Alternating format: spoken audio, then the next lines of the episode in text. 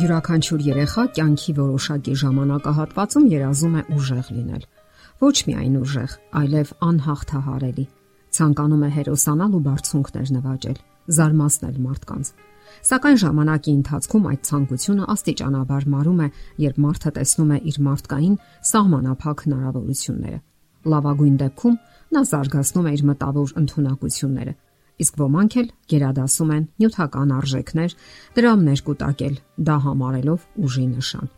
Սա մարդու կյանքի պատմությունն է գոյատևման պատմությունն ու կենսական արժեքների ձևավորման ու հաստատման գործընթացը։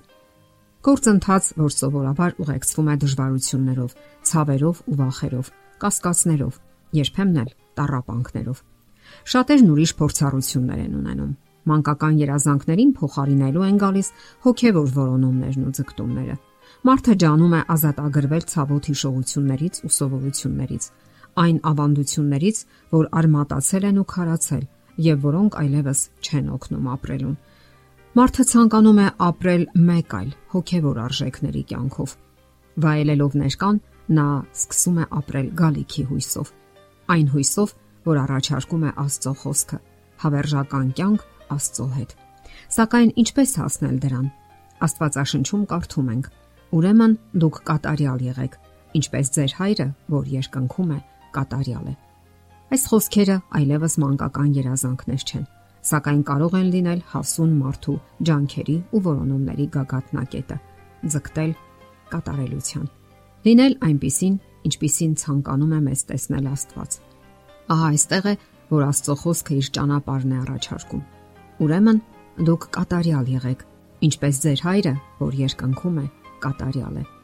Ձգտել կատարելության նշանակում է ունենալ վերափոխվելու եւ բնավորությամբ նորոգվելու ցանկություն,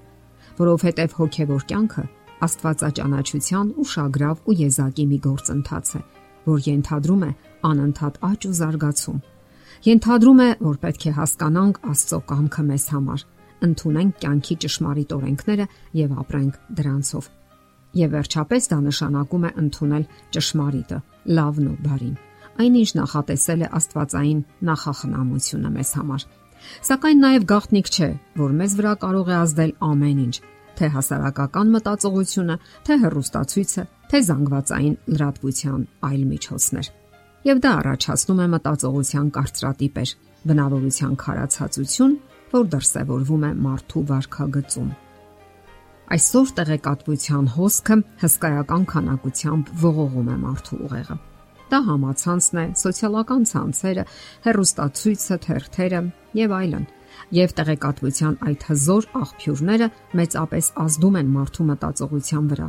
ներարկում որոշակի ավելի հաճախ մտածված եւ ուղղորդված արժեքներ ու չափանիշներ ու ինչ մարդուն թվում է, թե ինքն է կայացնում որոշումը այս կամ այն հարցի վերաբերյալ, իրականում իր փոխարեն վաղուց արդեն մտածել են եւ որոշումներ կայացրել։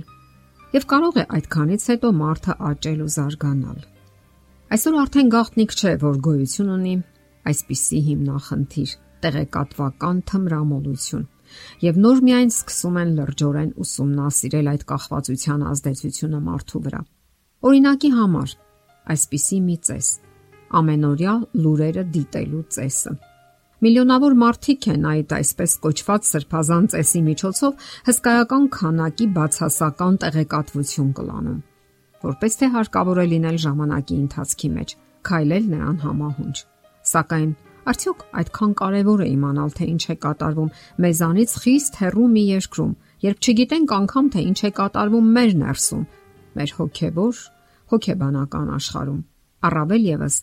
որ շատ հաճախ այնպես են աղավաղում իրադարձությունները իրենց հարմար ձևով ներկայացնելով, որ միանգամայն այլ պատկեր է ներկայացվում մեզ եւ ընդհանրապես խախտվում է մեր պատկերացումները իրականության մասին։ Եվ այս ամենը թափվում է մեզ վրա ահռելի քանակով։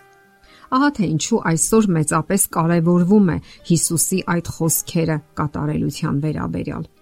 Ինչ էր ցանկանում ասել դրանով Հիսուսը։ Լեռան քարոզի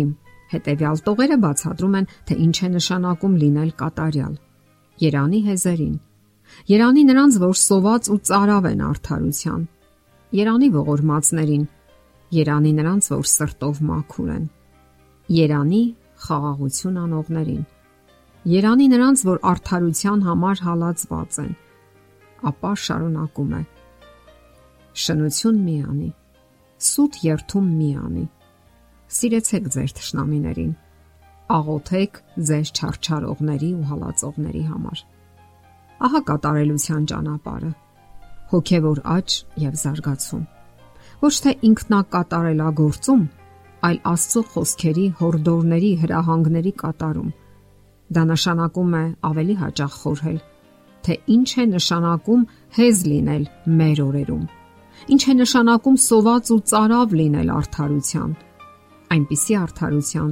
որ երբեք չի եղել եւ չի լինելու մեր հոգնատանջ երկիր մոլորակում։ Լինել կատարյալ ըստ Աստծո խոսքի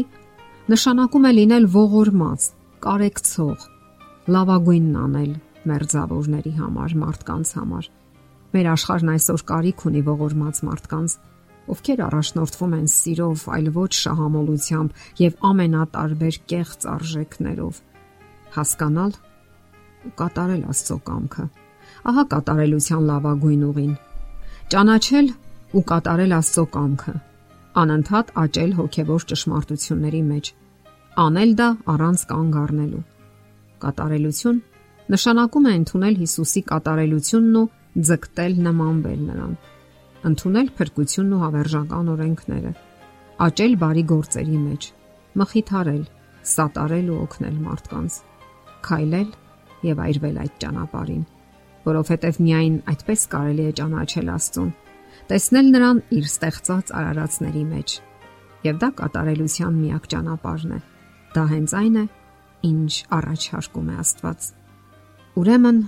ձգտեք լինել կատարյալ։ Եթերում հողանջ հավերժության հաղորդաշարներ։ Ձեզ հետ է Գեղեցիկ Մարտիրոսյանը։